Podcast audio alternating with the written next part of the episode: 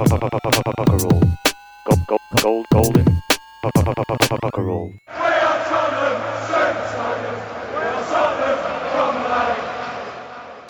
Velkommen til Golden Cockerel. Vi er Tottenham Venners egen podkast.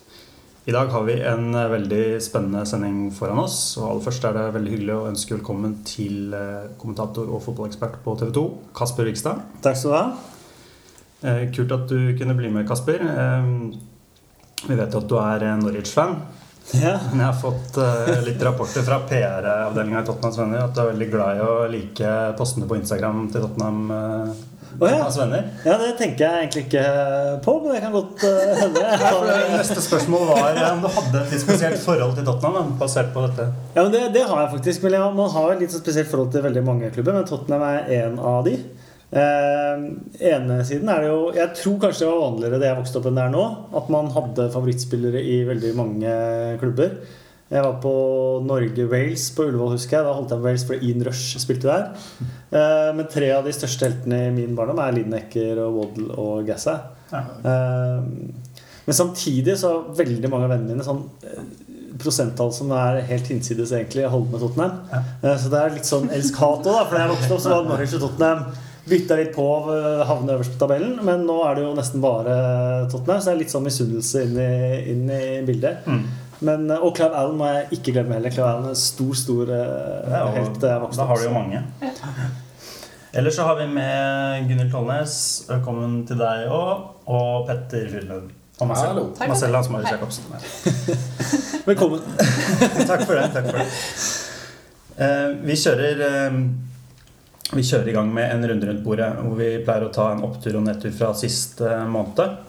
Og da For å få med Kasper her, så tenkte jeg å spørre deg eh, om du kan ta fram en eh, positiv og negativ opplevelse av eh, årets eh, Tottenham-lag. Eh, Jeg syns jo at eh, de har en del spennende spillere, ikke minst Christian Eriksen, som nå får det til å fungere bra. Så tror jeg det kan bli også veldig bra. Men det er liksom positivt og negativt i ett. For jeg syns jo samtidig at eh, alle disse spillerne burde fungert mye bedre sammen. Og det er veldig frustrerende å, å se en Adebayor som er eh, skrudd av. Eh, Alle spillere som står stille og ser på Kristian Eriksen med ball, f.eks. Mm. Uten å gå på de løpene man vet burde vært der. Da. Men av det ordentlig sånn, positive så må det være Chadli. Eh, Ja. Som så ut som jeg ikke kunne skåre mål forrige sesong, Mm. og som plutselig skårer masse. Det hadde jeg ikke trodd. Jeg er glad for at du sier at du ikke har trodd det, fordi det hadde ikke jeg heller. Og bare masa hele overgangsvinduet gjennom å få den vekk, og så, så kommer han og blir vår eneste skårer, nærmest, i, Ja, det er virkelig en annen spiller i år, altså. Så unnskyld. Tusen takk. Gunnhild, vi kan gå videre til deg. Ja, eh, vi hadde vel podkast sist eh, før kampen mot West Brom, kan det stemme? Eh, Med Petter Wæland. Ja, det kan stemme, for jeg har blitt eh, gjort oppmerksom på at vi taper alltid kampen etter podkast. Ja, Og det gjorde vi jo selvfølgelig da. Og den kampen Det gjør nok denne var- gangen òg, bare for Det er tøffe nå, da. Ja, akkurat. Men den kampen var så forferdelig å se på. Eh, veldig dårlig. Mm. Eh, og, og svart, rett og slett. Eh, Så den vil jeg trekke fram som noe negativt. Og så syns jeg at det var fantastisk deilig å få med seg 1-1 mot Arsenal. Ja. Selv om vi skåra først, og det hadde vært deilig å, å dra med seg alle tre poeng, så syns jeg uavgjort borte mot dem er strålende. ja, Et fair resultat, kanskje. En Ja. bra prestasjon. Absolutt. Petter?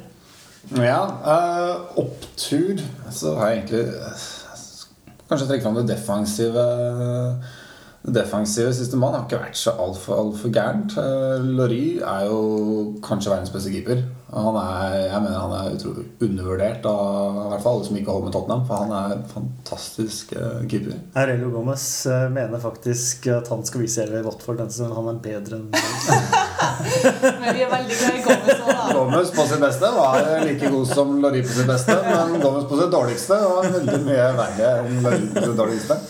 Eh, ellers har jo Kabul tatt steg opp, syns jeg, etter han, han fikk eh, kapteinsrollen. Og spiller som var mye kritisert i fjor, Dan Rose, har levert ganske ryddige, en del ryddige kamper og gjort det bra. Så jeg syns at det defensive ser, ser bedre ut enn jeg hadde frykta. Eh, så er jeg enig med Gunhild at Arsenal-kampen blei å unngå tap. Har gått hele uka og grua meg til å tape den kampen, og så slipper vi det. Det er deilig, altså. Eh, Jeg satt faktisk hjemme her og så kampen hjemme. Jeg var sengeliggende hele helga, så kom jeg, kom jeg ikke ned på Bohemen. Og ble sittende her og så har jeg alltid liksom lurt på hvor høy puls har jeg egentlig når Tottenham møter Arsenal? Jeg har alltid liksom stått på enten på i England, på Emirates eller White Atlane eller det er på pub og liksom lurt på, lurt på det. Så jeg fikk anledning til å ta på meg pulsklokke og sette meg i sofaen og se Arsenal-Tottenham. Og jeg er faktisk oppe i 142 i puls når det gjenstår to minutter av den kampen. Eh, Det var ikke mål eller noen ting. Jeg lå i sofaen med en pute foran øynene og sitter og ser på det slutten av den kampen. Og jeg har helt sikkert høyere gjennomsnittspuls enn Adebayor i store deler av den matchen der. Så å, å komme, komme unna med i hvert fall å unngå tap, da. Det var, eh, det var veldig deilig. Kan jeg få si at jeg var litt skuffa. Det er litt nedtur for meg òg, var den kampen. Jeg har gleda meg veldig veldig lenge. Mitt første Nord-London-derby live. Eh, kveldskamp med flomlys. Alt lå til rette for en fantastisk kamp og en fantastisk atmosfære. Og i hvert fall sett i sammenheng med mine forventninger så ble det en liten nedtur, faktisk. Både spillet og atmosfæren. Det var, Det var, litt, ja, det var litt overraskende at det skulle bli sånn. Faktisk, Jeg har vært på Emilys med god, god stemning, men det, det var ikke spesielt, spesielt bra med tanke på anledningen. Jeg tenkte at jeg skulle ta og runde av med, med føye meg til dere sier West Bromwich hjemme. Det er en sånn kamp som man ikke kommer utenom. Jeg tenkte prøv liksom å finne oppturen etter som ikke nødvendigvis er en kamp. Men West Bromwich var helt forferdelig, og det var en kamp som du kommenterte. Ja, det var fryktelig grei. Jeg, er bare litt interessert i å høre hvordan du opplever det. Du, hvordan forbereder du deg til kampen? Hva, hva venter du deg, og hvordan takler du liksom det du får? da? Eh, ja, jeg, jeg tror jeg sa det underveis der også, at dette var fryktelig. For det var det, var det virkelig. Uh, Forberedt til kampen er eh, Det er så mye. Eh, det er hva man gjør egentlig hver eneste dag hele uka. Mm. At man eh, at man, jeg abonnerer på veldig mange papiraviser eh, fra England eh, på iPaden. Så man leser det hver dag. Man ser fotball hele tiden, egentlig. Eh, også litt sånn spesifikke Man finner journalistiske innfallsvinkler og sånt noe, da. Men når eh, Det er jo positivt og negativt. Når ingenting skjer og alt er eh, ræva som det var da, så har man jo tid til å prate om litt andre ting. Men samtidig blir det ofte blytungt altså, når, det blir, når det blir så ille, for det var virkelig en traurig fotballkamp. Det var det. Det var det. Jeg husker jeg satt på Åråsen mens den kampen var, for jeg skulle dekke Lillestrøm-Odd, var det vel. Og satt med Jon Hartvig Børrestad, som er også er svoren Tottenham-fan. Og rett før de skåra, så sier han til meg Gunhild, nå blir det mål. Og da legger vi bort den skittkampen her. Og de skårer, og så bare smekk ned med Bekken. Og så var det tippeliga i stedet, for det, det var frykt. Ja, det var one of those days. Men Altså. jeg, jeg skjønner ikke Jeg syns det er vanskelig å forstå hvordan Dette gjelder jo selvfølgelig flere lag enn Tottenham. Jeg føler dere kanskje har Tottenham i enda større grad. Altså hvordan, det varierer så mye prestasjoner. Hvordan det går an å være geniale en helg og være helt fullstendig katastrofe neste Sånn som West Bromwich-kampen. Hvordan Er det noen som skjønner noe av det? Det sitter nok en del i hodet, tror jeg. Eh, og jeg tror kanskje eh, jeg, jeg tror nok mm, kanskje til og med mer enn vi tror. Eh, at det sitter i hodene på når det er snakk om hva slags eh, spenningsnivå man har selv inn mot eh, kamp. Mm. Eh, til sånne kamper. Og det er litt skummelt og trist. Men tror du også at stemninga på White Hart Lane kan være litt sånn ødeleggende, destruktiv? Ikke spesielt der, Nei. men ja, jeg tror jo at det har noe å si på de som, de som presterer. Det, det, det tror jeg. Men det tror jeg er spesielt sånn stemning som kan hjelpe underdogslag. Ja. Men spillerne sa jo altså alltid etter en dårlig kamp så kommer det faste intervjuet på hjemmesida med at we må bounce, bounce back. back. Det sier vi alltid. Men etter den kampen så var det jo flere spillerintervjuer hvor de var selvransakende, hvor de sa at liksom innstillinga vår, vi må skjerpe oss. Vi kan ikke spille sånne matcher. Det er i hvert fall litt godt å se at det en- litt grann selvinnsikt, da. Men vi taper jo hjemmekampen mot antatt svakere lag hver eneste sesong. Så jeg skjønner, ikke, jeg skjønner ikke helt at det skal komme så veldig som en overraskelse. Vi, det er ikke noe nytt at vi ryker hjemme innimellom mot et dårligere lag. Nei. det er ikke egentlig. Sånn er det, da. Ja, så, så jeg har alltid sånn stussa litt på altså, hvor mye hvor mye mental trening er det egentlig de bruker altså, Så mye penger som er i fotballen, da, så profesjonelt som det på en måte har blitt på alle mulige andre områder. Hvor, mye, hvor, mye tid bruker man på mental trening? Ja, men det er akkurat det. Jeg tror kanskje at alt dette her, summen blir litt negativ. Da. Eh, og det tror jeg f.eks. Liverpool eh, profiterte veldig på forrige sesong. Den sulten som man helt tydelig lå i gruppa hele veien. Eh, den der 'nå skal vi vinne neste, nå skal vi vinne neste, nå skal vi vinne neste'. Nå har vi en sjanse som er helt unik, uansett hva som står på bankkontoen, hva som helst. Mm. mens generelt sett så er spillere er overbetalte. De får alt servert i, fra de står opp til de legger seg. Eh, de trener de timene de trener. Resten så er alt lagt opp. Eh, folk som pusser skoene dine, presser klærne dine, kjører bilen din. Gjør alt. Og da tror jeg de mister et eller annet veien. Da. Og da kan de gi seg sånne utslag. Jeg skal ta en liten opptur òg. Det er for så vidt en nyhet som, eh, som kom eh, før sesongen. Eh, Det var nyheten om at tromma er på vei tilbake på White Hart Lane. Den har vært borte en liten stund, et par år, i hvert fall en og en halv sesong. Og grunnen til det var vel at han som slo på den tromma, han fikk ikke sesongkort dekket av klubben lenger. Eh, og det gjør han ikke nå heller, tror jeg. Jeg vet ikke, Petter, om du vet Nei, jeg kjenner, hvordan er det en annen ja, kar. Danny heter han typen som var uh, trommeslager. Uh, jeg treffer han noen ganger. Han greia at han hadde kommet inn gratis på, på White Hart Lane i, i en rekke år. Så fordi ingen hadde stilt noen spørsmål. Ingen hadde bare gått gjennom fordi han hadde med seg tromma. Og så plutselig en kamp så ble det liksom stilt spørsmål hvor er egentlig billetten din. Så det at han har jo verken sesongkort eller billett til, til noen kamper. Og så ble det en sånn diskusjon med klubben eh, de ikke greide å bli enige. Og da har egentlig den tromma forsvunnet ut. Mm. Eh, Så er det for mange år, sikkert seks-sju år siden, tror jeg. Nå, Er det så han, lenge siden? eh, Han har vært fast, fast på kamper der. I hvert fall så skal det, skal det prøves i første omgang da, på hjemmekampen i Europaligaen. At han eh, Eller en, en annen med en tromme. Jeg vet ikke hvem det Ja, er. det er faktisk, det er faktisk en, ny, det er en ny mann som skal ta over. eh, Det er litt det er greit. Vi har klagd mye på stemninga på White Lane og, og sånn i podkasten tidligere. Og det er greit å Jeg, jeg syns det er et bra element. Det er mange av, ropene til Tottenham som er litt basert på den tromma. Altså. Trist uten. Men er tromme løsningen for noe som helst? Nei, jeg skal ikke si at det er en annen diskusjon. Vil vi ha trommer? Men det, Nei, det, er litt, ikke sant? det kan være litt galla. Det kan være litt sånn eh, Hvem er det? Ikke Stoke som har sånn korps? da? Spiller trompet og greier. England, i hvert fall. England eh, Men det er blitt litt sånn tradisjon over mange mange år. For Ja. meg så er, hører ikke trommefotball sammen i Nei, det. det er mange som har den. Men jeg er litt sånn i utgangspunktet enig i det. Jeg har alltid tenkt innenfor norsk fotball sånn at det blir veldig sånn matplassert At man skal ha det Og jeg er i utgangspunktet enig i England, men på White Hart Lane så har det liksom det fungerte litt. da Fordi av og til hvis stemninga var litt dårlig, så var det det som fikk opp Det var ikke sånne her evighetssanger som Nei, du får i tall som holdt liksom gående Ja. på tromme hele veien. Det var liksom bare sånn kjapt. Og det er, det er spesielt i de periodene altså Det har vært så dårlig i, i flere år på rad nå. Hvor hvor man hadde trengt den der. Altså. Jeg tror det er så enkelt som at han eh, ja, kan dra i gang litt Ja, for han er jo bare med på noen fåtall av sangene. Altså, det er ikke sånn at Roman Nei, skal være med hver ikke med hver gang. Det er bare visse rop. Mm. Den enkleste løsningen er jo å gi spillerne promille mindre lønn, ståtribune bak begge måla, selge halvparten av sesongkortene og kjøpe ståtribunebilletter er på kampdag for vanlige folk til maks 10 pund. Det hadde vært den beste, beste resepten på bedre stemning. Overalt. det tar vi med oss neste gang vi skal. Hi, this is Mickey Yazard, and you're listening to the Golden Cockerel podcast. Come on, you Spurs. Ok, vi går videre i podkasten, og vi skal få noen spørsmål fra lytterne til Kasper, som vi har stilt på, på Facebook og på Twitter. Og vi har fått inn litt forskjellig her. Jeg- tenker at vi starter med, med en fra Markus Ø. Han skriver at på Besiktas-kampen så var det 24.300 på White Hart Lane. Altså mot det beste laget i vår gruppe da, i Europaligaen. Generelt er stemninga på stadion langt lavere enn for noen år siden.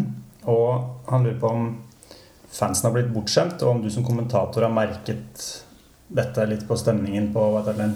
Ja, det er ikke bare bortskjemt. Jeg tror ikke problemet bare ligger der, men jeg tror det ligger i en sånn kulturendring over mange, mange år. Hvor prisene har blitt for høye for veldig mange til å gå på kamp. Til å ha det i vanene sine at man går på kamp. Man- Jeg tar ofte taxi til stadion, og 90% av alle de taxisjåførene jeg kjører med, er jo fan av et lag, men har ikke gått på kamp på 20 år. Eh, og den oppvoksende generasjonen de oppdras jo med å se kamper på TV framfor på stadion. Så dette blir et sånt problem som blir større og større. da. Eh, og når det da kanskje hadde mange hatt både råd til én europaligakamp og anledning til en europaligakamp, men det ligger ikke i vanene til, til folk å, å dra. Eh, annet enn til de som har sesongkort, turister, eh, middelklasse og øvre middelklasse. Eh, så blir det sånn som det blir da. Jeg, jeg tror det er veldig lite sånn bortskjemthet at folk ikke gidder å gjøre, men at det er en sånn kulturendring som har, som har kommet over veldig mange år. da. Det er jo et paradoks at uh, Tottenham påstår at de har 40 000 på, på Ja.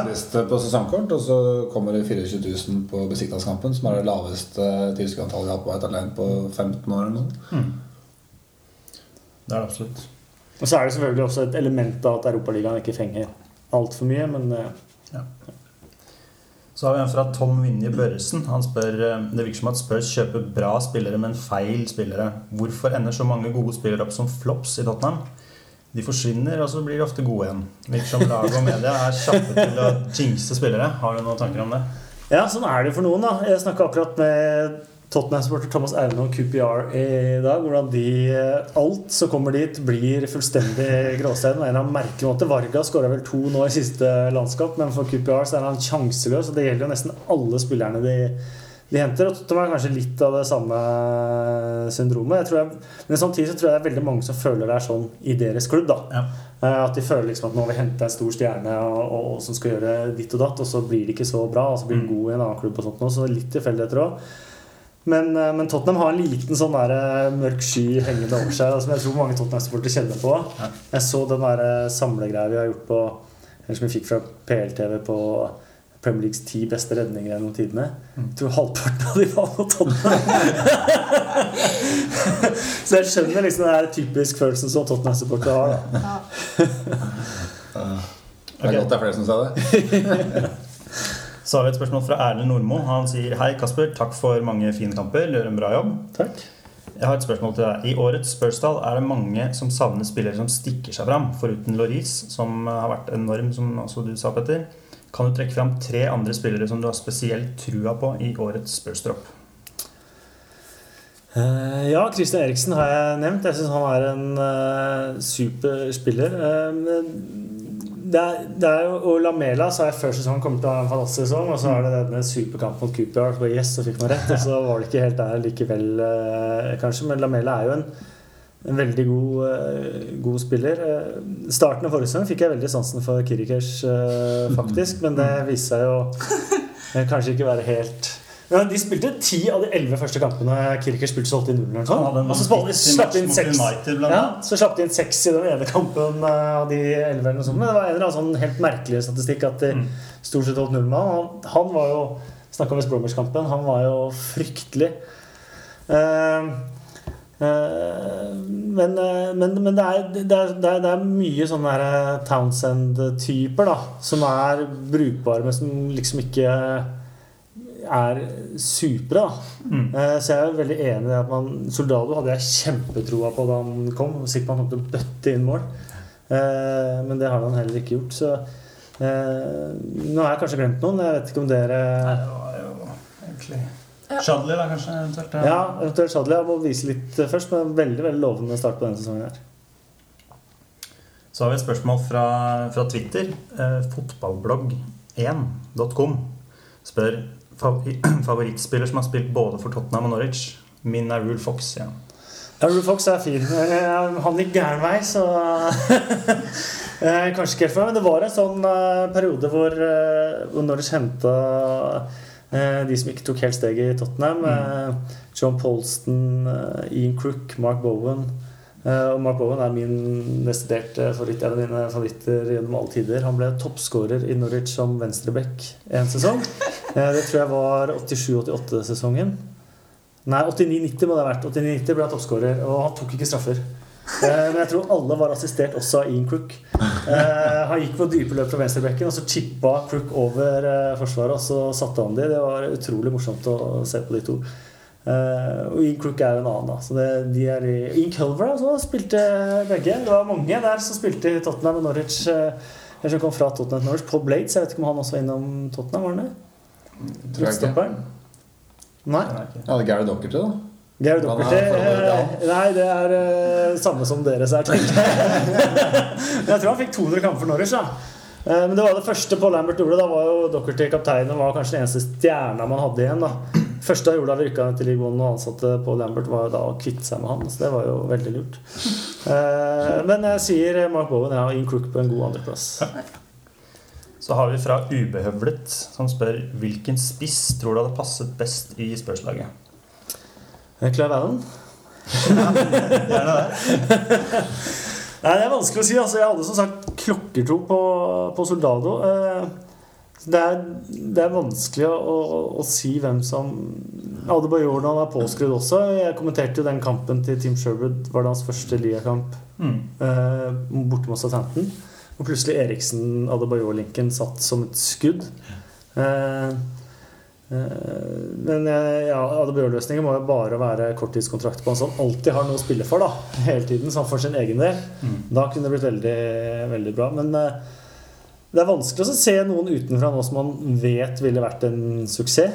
Eh, David Villa-type. Mm. Eh, Ja, for Porcetino spiller kanskje litt annerledes. Mange sier jo det at Soldado ikke passer i den eh, stilen hans. han passer ikke i Las Boas-stil heller, og Nei. ikke i Sherwood-stilen heller. For det, kanskje han ikke passer med de spillerne han har, har rundt seg. Mm. Eh, For han har alltid skåra mål, både i Hetafe og Valencia og på landslaget og overalt. Så det er veldig rart at han ikke Han er ikke en dårlig fotballspiller. Nei. Så det er vanskelig å finne en utenfra som man vet hadde skåra mål. Vi takker for bidragene fra de digitale foraene, eh, skal vi kalle det, eh, og går videre i sendingen.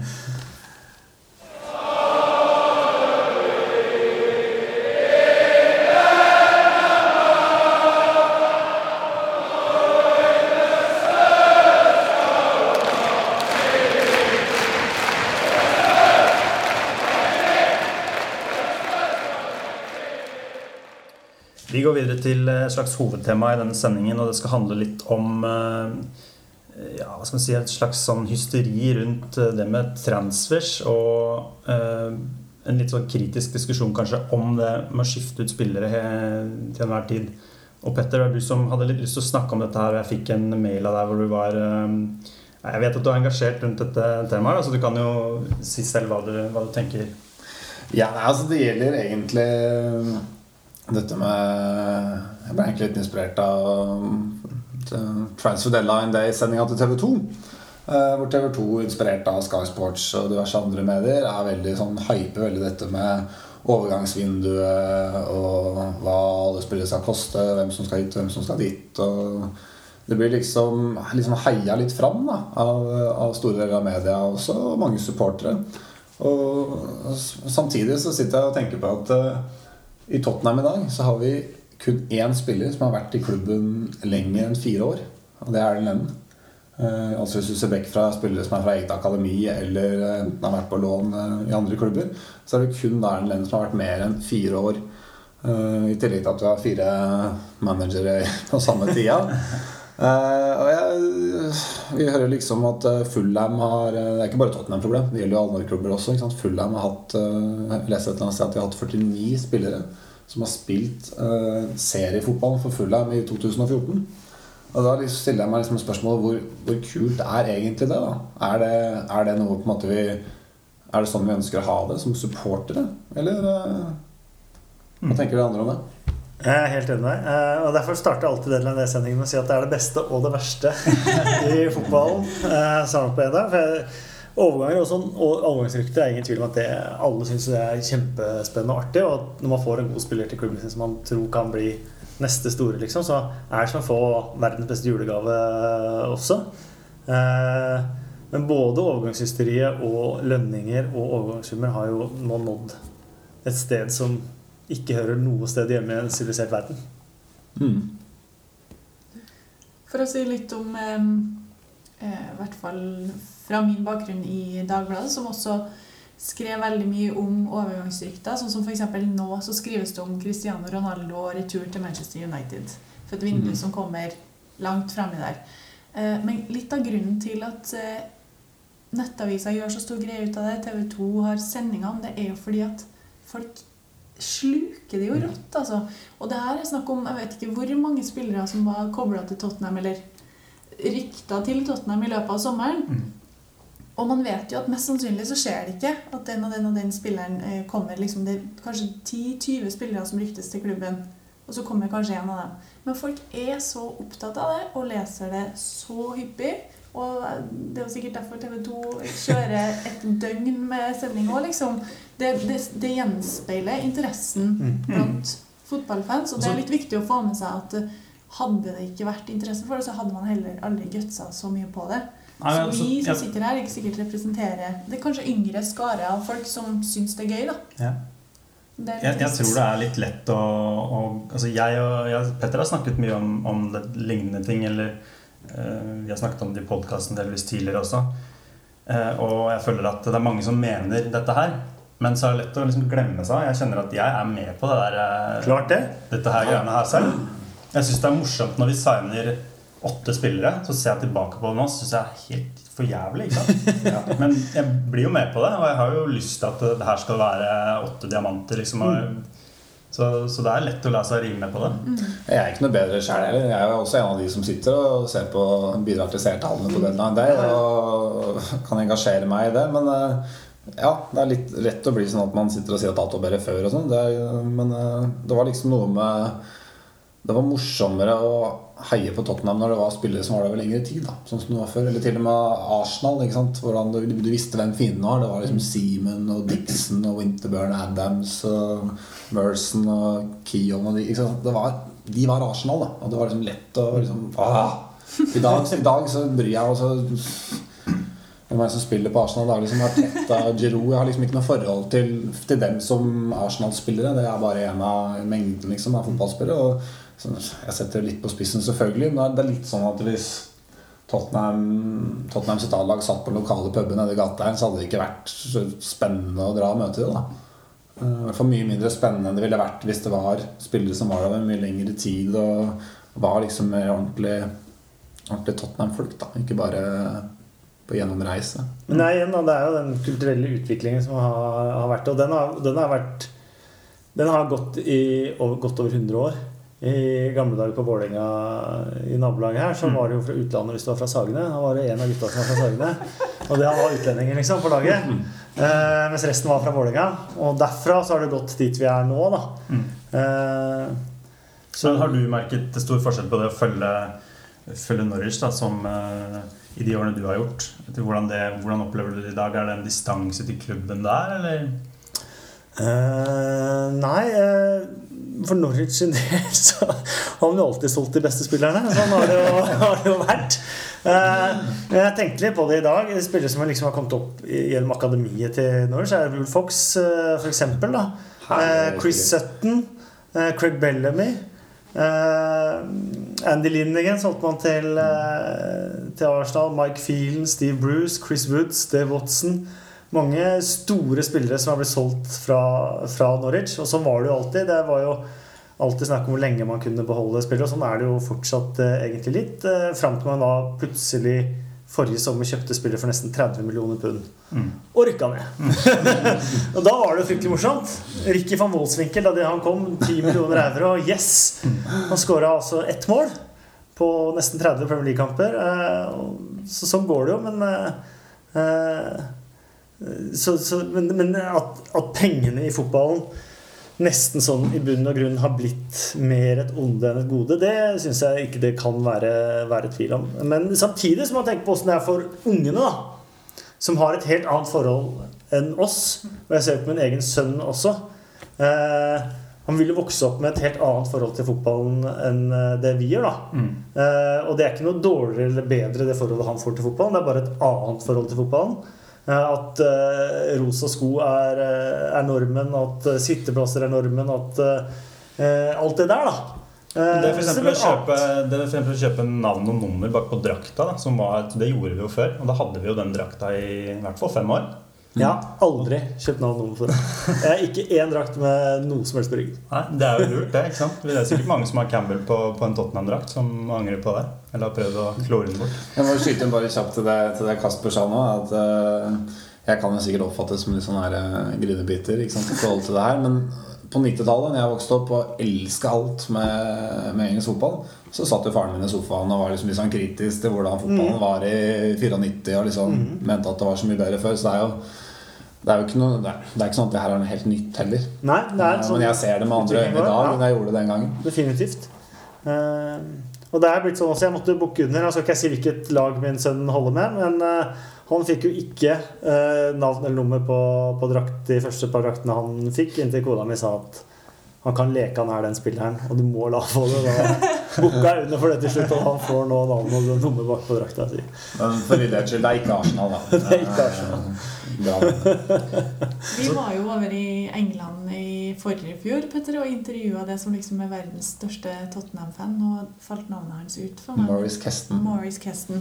Og det, altså, det gjennomgang i det en og en halv timers lange intervjuet var jo at ingenting er som det var før. Og mannen er 90 år, eller noe sånt. Ja. Eh, Så, så sånn vil det jo kanskje alltid være. At uh, ting utvikler seg, og så liker man ikke nødvendigvis endringene så godt. Jeg var også veldig motstander av ny drakt hvert år, f.eks. Uh, jeg syns man skal ha ny drakt som oftest hvert, hver tredje sesong. Uh, men jeg skjønner jo også at det Fire nye drakter i året. Ja, er nå er det fire nye drakter i året, liksom.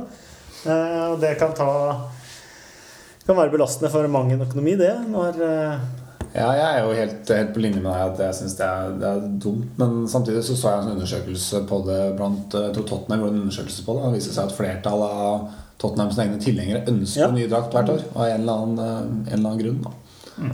Så da skjønner jeg jo at de gjør det. Ja, når det er ja. penger å tjene på det. Men så tenkte jeg vi kunne hekte på en, en annen diskusjon her som er aktuell for eh, Tottenham i år, og for, for andre klubber også. Nemlig det at eh, ettersom klubbene drives eh, mer og mer profesjonelt som en business, så oppstår også eh, et behov for, for å utvikle disse akademiene med unge spillere. Mye basert på at det er en inntektskilde. Man kan selvfølgelig få fram en og annen god spiller som kan være i klubben over tid og kan bli virkelig god, men jeg syns man også ser for Tottenham som del eksempel, at vi, vi har utviklet eh, over de siste fem årene noen spillere som vi har solgt med god profitt. Og det betyr veldig mye for Tottenham. Jeg tenkte vi kunne prøve å snakke litt om det. Altså, Tottenham har f.eks. Kane, Bentaleb, eh, Mason inne i, i årets eh, lag. Som er spillere Townsend. Townsend er local eh, lads som er eh, Som vi burde være veldig glad i. Jeg vet ikke om eh, vi er, eh, er altså, Om det er litt sånn av den utviklingen som er, da, som vi snakker om, at kanskje vi også ikke bryr oss så mye om de heller, da, som vi burde. Er det en side av det òg? Ja, Vi nevnte jo sist at det, jeg opplever som et paradoks at vi har mye mer tålmodighet med Soldado enn med Harry Kane, f.eks. Mm. Eh, Det burde jo strengt tatt være motsatt, at man omfavner denne local laden. Men jeg opplever ikke at man, man gjør det. Eh, Og jeg er også litt skyldig i det, altså, helt ærlig. Townsend er en type som får veldig mye pepper. Som, eh, ja, som Mm. man vet ikke, en dag krever litt mer av. da Faren hans er jo en die-hard Tottenham-fan og stiller opp i podkaster i England. Og Mm. Men det er det er jo sånn at når man, når man plutselig handler fra et globalt, globalt marked, så er det uhyre vanskelig å skulle utvikle en spiller selv som kan konkurrere mot det. da. Mm. Eh, og det vil jo mer være unntaket enn enn regelen uansett. Og så vidt jeg har forstått også, så er jo ikke målet nødvendigvis med disse akademiene å, å avle så veldig mange spillere til seg selv, Nei. men å kunne utvikle spillere til andre klubber som man kan selge og gjøre profitt på. Mm. Eh, eh, og så kanskje finner man gull innimellom. Men, eh, eh, men når man kan velge mellom Satt på spissen flere millioner spillere, så er det veldig rart om den ene du har blant de 80 du har på akademiet, da, skal Ja. bli den store stjerna. Team Sherwood var jo utskjelt som Tottenham-manager, men det må jo nevnes at han hadde ansvaret for de unge spillerne til Tottenham inntil ganske nylig.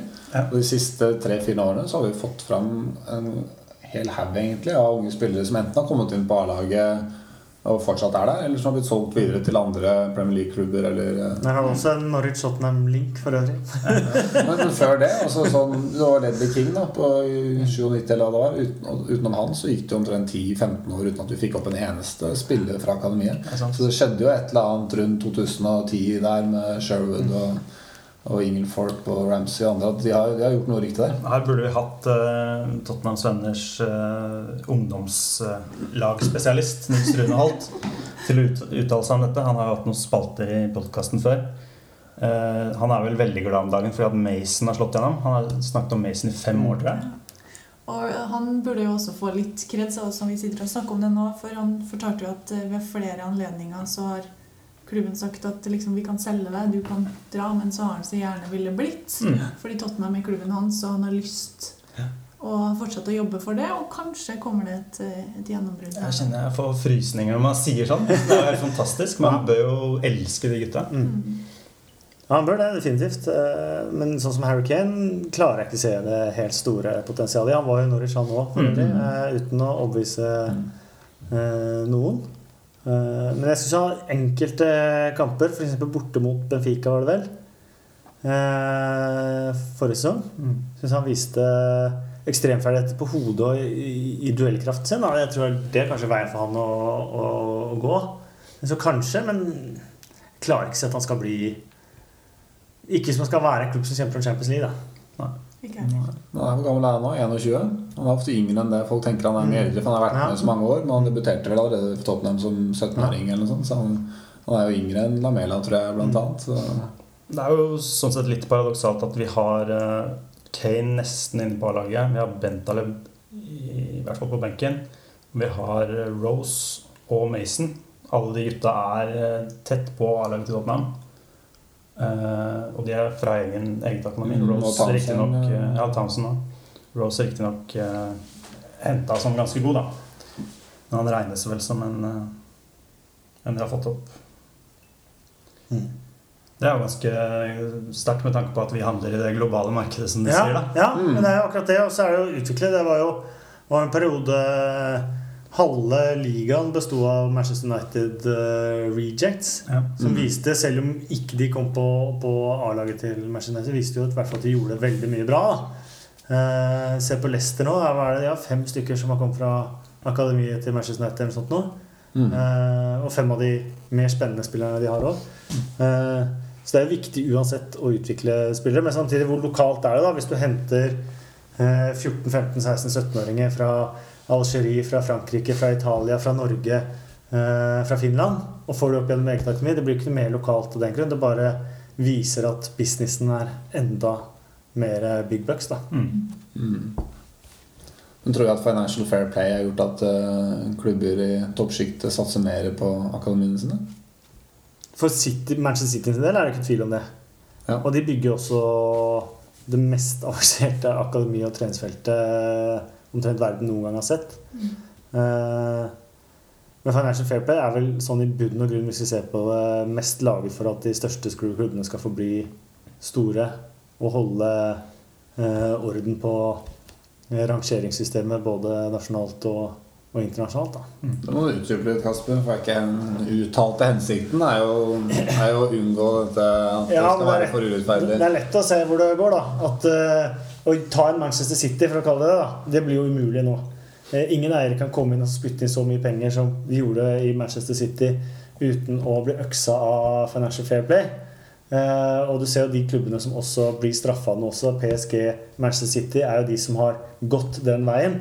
Mens Manchester United fortsatt kan handle eh, for de pengene de kan fordi de omsetter for så mye eh, globalt. da Mm. Eh, og dermed så bør, har de alle muligheter til å befeste sin eh, posisjon eller komme tilbake til den posisjonen de var.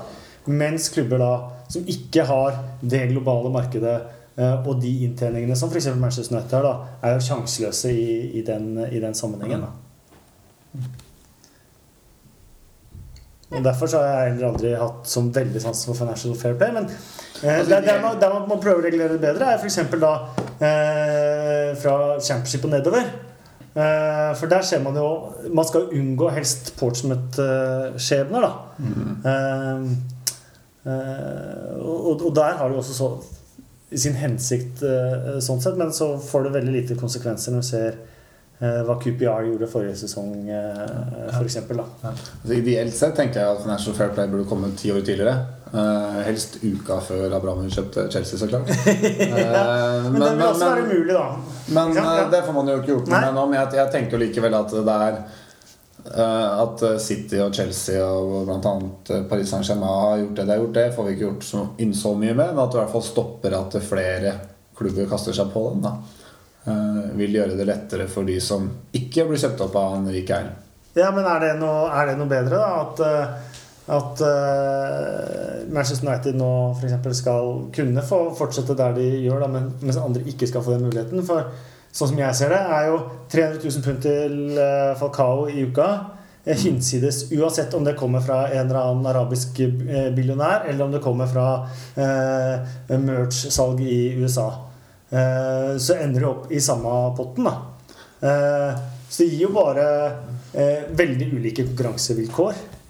Ja, vi er helt enige Kasper, at det er for mye penger sånn sett. Men jeg tenker at eh, jeg har mer sansen for Manchester Uniteds måte som De har mye penger fordi de var heldige med en generasjon unge spillere gjorde veldig mye riktig. Og tima det veldig godt da ut ifra når det ble big bucks, eh, og dermed har bygd seg opp som en stor klubb. Jeg har mer sansen for den måten jeg gjør det på enn City- eller Chelsea-måten. da Ja, det, de er ikke uenig i det. Jeg har også bedre sans for det, men jeg kan ikke se den helt store forskjellen. da. Og på sånn konkurransevilkårmessig, om vi skal ha de samme fire klubbene øverst i Premier League, League A, Serie A, La Liga, og vi skal ha de samme klubbene i kvartfinale, semifinale, finale hvert år i Champions League, eh, så tar jo det bort eh, noe av eh, drømmene også, da, for de mindre, mindre klubbene. At de aldri skal kunne være med og konkurrere der uansett hva som skjer. da. Ja. Hvordan, hvordan tror du det med altså Vi diskuterer jo stadig her det med ny stadion i Tottenham. Det er et aktuelt tema i forhold til vi snakket om folk på venteliste med sesongkort. Um, Tottenham mener det er helt viktig for å komme videre som klubb til å kanskje hevde seg i den toppen. Er, det, er det det som betyr noe for Tottenham? Er det der skoa trykker for oss for at vi skal liksom, være med der oppe da? Ja, jeg høres ut som en gammel grinebiter, jeg vet det, men eh, jeg er mot alt som er nytt. jeg bruker veldig mye av hverdagen min på Old Football Grounds og ser på bilder av gamle fotballstadioner og gråter litt for alle de fotballstadionene jeg aldri fikk vært på. Eh, Main Road for eksempel, er en stadion jeg utrolig gjerne skulle, skulle vært på før den ble, ble revet. Ninian Park i Cardiff skulle også helt utrolig ønske at jeg fikk oppleve. Men det får man jo ikke, for de er rasert, revet eh, vekk. Eh, og i stedet så reiser man rundt og kommenterer på stadioner som ser prikk like ut. Og da snakker jeg prikk, ser som er bygget på samme modul. Mm. Eh, og du går ut av kampen, og du husker knapt hvilket sted du har vært på, for det så helt likt ut som det som du var på i går, og det du var på i forrige uke. Eh, og det er jo ikke noe heldig utvikling. for at Fotball, og spesielt fotball i England, handler ekstremt mye om sjel og historie og, og, og, og de der verdiene som har blitt bygget opp fra ligaen starta på 1880-tallet. Eh, eh, med, med, med ståtribuner. Og, og det at alle stadionene var ulike. Alle så hadde helt sin egen identitet. Og hvis du gikk på den, så glemte du aldri hvor du hadde vært. Det var på gamle til den som hadde ståtribuner langs hele langsida. Tre av fire sider var vel ståtribuner. På gamle Stanford Bridge også, under i The Shed. Eh, og det glemmer du ikke. liksom Men At du har vært på Reading, sånn, så du ikke ut som Sunderland eller Swansea eller Southampton. eller hvor du er, Det glemmer du med en gang. For det, er, det ser, det ser prikk likt ut. Jeg har vært på, vært på Ninian Park, da, på ståtribunen, og sett, Ja. uh, sett Tottenham spille der. Og på vei inn der så er vi politieskorte her var andre engelskmenn. Og nå kommer vi forbi en park like ved Ninian Park eh, Stadium. Så ser vi da det som er gutter i åtte-niårsalderen kommer løpende gjennom den parken og kaster glassflasker inn i politieskorta. og så går vi ti meter videre, og så ser vi fedrene på puben som da kaster glassflasker. Så, så der skulle vi vært, Kasper. Det var, stas. Nei, Jeg ikke at fotballbollen nødvendigvis er eh, noe å trakte tilbake til. Og det er veldig mye man har fått bukt med også med all-seater og, og alt det der. Men så har man mista man har mista, mista veldig mye på veien, ja. syns jeg. Og jeg syns som sagt ikke at eh, nødvendigvis eh, at nytt stadion og nye fasiliteter og alt det der er eh, veien å gå. Så jeg er veldig glad for at jeg har vært på White Hart Lane, som jeg synes er en utrolig kul stadion, før de eventuelt da river den. da Eh, men, eh, eh, men det jeg syns, er jo at fotballen det tilhører jo folk. Ja, det tilhører folk som ikke nødvendigvis eh, har best råd eller de kuleste jobbene eller alt mulig. Men det, det, for å ha det avbrekket i helgene, kunne dra på match, kunne oppleve stemningen, kunne være en del av stemningen, kunne være på puben med guttene og jentene før og etter kamp og, sånt Og Det, det er noe helt eget ved det. Og for mange, veldig mange, så har den muligheten forsvunnet. Vi skal ikke glemme at fattigdommen er et mye større problem i England enn det er i, i Norge. Og du kan ha 40 000 eller 100 000 på venteliste til sesongkort. Eh, Men jeg mener jo at som jeg sa også tidligere, at et stadion ble lagt opp til at du kunne ta så mye du ville på vippen. Eh, Og du kunne eh, ha tatt brukbart også for, for sittetribunen, at det skulle vært gode ståtribuner hvor man kjøpte billett på kampdag. Sånn at førstemann til mølla fikk også gå på kamp. Og så fikk man heller selge færre sesongkort, og så hadde man omsatt for en del mindre penger. Men i det store bildet, når man tenker på hva man får inn av alle mulige andre avtaler, er Chevrolet-avtalen og Adidas-avtalen til Manchester United f.eks., og i tillegg til TV-avtale og sånt nå, så er det nesten piss i havet, eh, det du tjener ekstra på, på tilskuere. Og, og så er det spørsmål Man kan gjøre det. Man, man får holde på markedet. Man kan ta så mye penger man vil, eh, fordi at folk er villige til å betale det. Og det mener jeg er eh, sekundært. da Eh, At man også noen steder må si 'stopp en halv'. Eh, det, er, det er ikke need, det er greed. Og når, når det går over fra need til greed, da eh, er jeg mot. Jeg glemmer aldri, tror jeg. var på om det er to eller tre år siden. Eh, alene på Eller jeg satt alene. Havna ved siden av en eldre engelskmann som jeg kom i snakk med, og hadde hatt eh, sesongkort i 15 år eller noe sånt. Og eh, fortalte underveis i kampen at det her var siste sesong der han hadde mulighet til å ha sesongkort, for nå var det rett og slett blitt for dyrt. da. Og syntes jo det selvfølgelig var kjempetrist, men det var bare sånn det var. Og det er hjerteskjærende eh, å høre på, syns jeg. Sånn, elsker klubben sin, men det er ikke mulig mer. Vært på White Hart Lane i alle år. Og når du er redd for at det er grinebiting, Petter, så er det ikke det. det, det er, men det er interessant å diskutere det her og høre hva andre syns om det. fordi det er noe med bare å reflektere hva virkeligheten er, og se litt på hvordan det var, og se på hvordan det kommer til å bli videre. Det er det som er supporterhverdagen, og som du sier, som kommer det alltid til å være. Ja, men jeg vil jo understreke det at Selv om jeg er negativ til veldig mye, så er det jo uh, Det er den grunnleggende kjærligheten som ligger, som ligger der, som gjør at man, man blir veldig mye mot det. Og, jeg, uh, og det er jo også Med alle spillerne og alt det, så får man oppleve en fotball som man aldri har opplevd før. I, også da man, Det er veldig mye som man får på veien òg, men man vis, mister viktige ting på veien, og det, det syns jeg er litt viktig, da. Men som kanskje aldri, de som aldri opplevde de oppvoksne generasjonen, eh, som aldri opplevde det, de vil jo få sine egne verdier som de blir, blir glad i. Da. Så, eh, det var sikkert helt annet på Det ble bygd stadioner før òg. Eh, på 30-tallet var det veldig mange 20-30-tallet klubber som bytta stadion og sånn også, så man har vært gjennom dette her tidligere òg, da. Gold, gold, gold, golden. Ok, vi skal avslutte dagens sending med litt uh, info om Tottenhams venner og litt uh, ITK fra, fra England, Petter. Ja, Uh, jeg kan jo begynne med å nevne at eh, Tottenhams Venner igjen har blitt en offisiell supporterklubb av Tottenham Hotspur. Gratulerer med det. Det leste jeg på nettet. Tusen takk. Det er vel en seks år siden vi gikk fra å være off- en offisiell til uoffisiell. Av, eh, av eh, egentlig av den grunn at vi da mente at Tottenham Venner kunne gi et bedre tilbud til medlemmene våre med å være uoffisielle. Så har vi greid å, de som sitter i styret i dag, har greid å få til en ny avtale som, eh, hvor Tottenham gikk vekk fra en del av de punktene jeg hadde satt opp. Som gjør at uh, Tottenham Venner føler at de kan inngå den avtalen uten at det går på bekostning av uh, av det tilbudet som medlemmene har i dag. Så fra og med nå så er Tottenham Sønner endelig en offisiell supporterklubb i Tottenham. Det er vi glad for. Veldig glad for. Eller så har jeg fått en liten rapport fra en venn av meg som var til stede på sist møte mellom Tottenham Hotspur Supporter Trust og eh, representant Jonathan Waite fra, fra Tottenham Hotspur. Og Der kom det fram litt, eh, litt eh, spennende informasjon som jeg bare tenkte jeg skulle nevne her.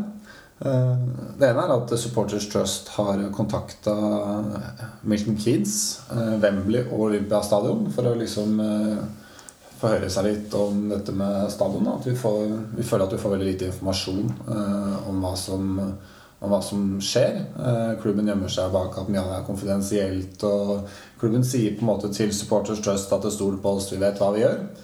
Eh, og det er, ikke, det er ikke alltid så lett at eh, det klubben, de som sitter på pengebingen i klubben mener er best, det er ikke alltid likt med det, med det supportere ønsker. Så det det er noe da Supporters Trust jobber med. Eh, så har det også kommet fram at alle hjemmekamper må spilles på samme bane, ifølge Premier Leagues regler. For å spekulert en stund i at eh, vi kunne spille de fleste kampene i Milton Keynes, og så spille storkampene i Wembley. Men det har da kommet fram at det ikke er mulig, eh, med mindre man skulle få en dispensasjon. Da. Så ble det sagt eh, fra Tottenham sin side at det ikke har kommet noe bud fra denne Kane Hoy, som representerer en sånn investment company, angående det oppkjøpet av klubben. Og det er heller ikke noen pågående samtaler eh, der. Så var det spørsmål om hvorfor disse søndagskampene etter Europaligaen hvorfor de spiller så tidlig på søndagen. Og Da ble det svaret fra klubben da, var at det er Pochettino som ber om eh, at eh, kampene skal spilles tidlig. Og det er grunnen til at eh, Det er jo kjempeinteressant. Hvorfor vil han det? Det eneste som kom fram fra det møtet, var at Pochettino var på treningsfeltet fra klokka sju om morgenen, så han likte å holde det veldig tidlig. Eh, Så om det er så enkelt, det vet jeg ikke. Men, eh, men det er tydelig at altså, det er klart at eh, det er jo sikkert motstanderklubb og politi og det er sikkert flere andre som må godkjenne dette. Men det er da Pochettino sitt ønske da at det skal være early, early kickoff. Var noe av grunnen kanskje til stemningsgreiene Ja. vi snakka om? òg. Det kan henge sammen. Eh, en annen ting som også påvirker stemninga, er jo da disse billettprisene på Europa League-kampene, hvor eh, klubben i fjor, etter eh, sterkt press fra Tottenham Supporters Trust, satte Europa League-prisene til 20 pund per billett. Det førte til at eh, det var omtrent utsolgt de fleste kampene. Og det var god stemning på Europa League-kampene.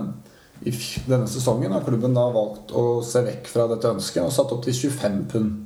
Det er klart at 20-25 pund Man tenker kanskje ikke at det er så stor forskjell, men det utgjør ganske mye eh, når det er tre kamper man skal på. Som da har ført til at det var 24 000 på Besiktas-kampen, og at det ligger an til å bli rekorddårlig oppmøte mot Asteras i neste kamp, for det er solgt et skandaløst lite billetter til den kampen. Sånn at, eh, at det, billettprisene reflekterer jo hvor mange som booker opp på de kampene. Og det er noe da Supporters Trust jobber videre med å påvirke Tottenham i riktig retning der. Og, og I tillegg så ble det informert om at eh, klubben jobber nå med å få trådløst nett på stadion eh, i løpet av denne sesongen. Eh, vi snakka litt om det før, før sending her. Altså det er fort å tenke at det er fint på, på enkelte områder, men eh, nok en gang, da, hvis vi tenker på stemningen på stadion, hvor bra trøkk blir det på en tribune hvis folk sitter og poster bilder på Instagram istedenfor å, i stedet for å juble?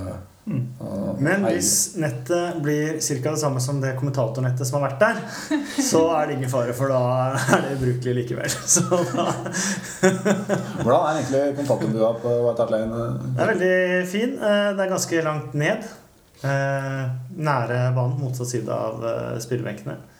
Eh, Men eh, ubrukelig nett, som veldig mange andre steder i England. Stort sett har det vært Det har blitt mye bedre de siste par sesongene. Før det så var det vel ikke noe sted som hadde brukbart nett. Nå er det noen som har. Da blir det enda dårligere stemning ja. hvis folk i tillegg sitter og venter på at det skal laste opp. Da er det ingen som får med seg noe.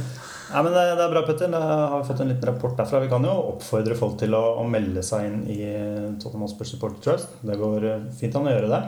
Ja, Supporter Trust jobber da med supporternes rettigheter og prøver å påvirke klubben til å ta valg som, eh, som supportere, supportere ønsker. Da. Jeg vet i hvert fall at eh, Manchester United til Supporter Trust har et, et, et et sånn slogan som jeg liker veldig godt, og det heter Support the team, defend the club.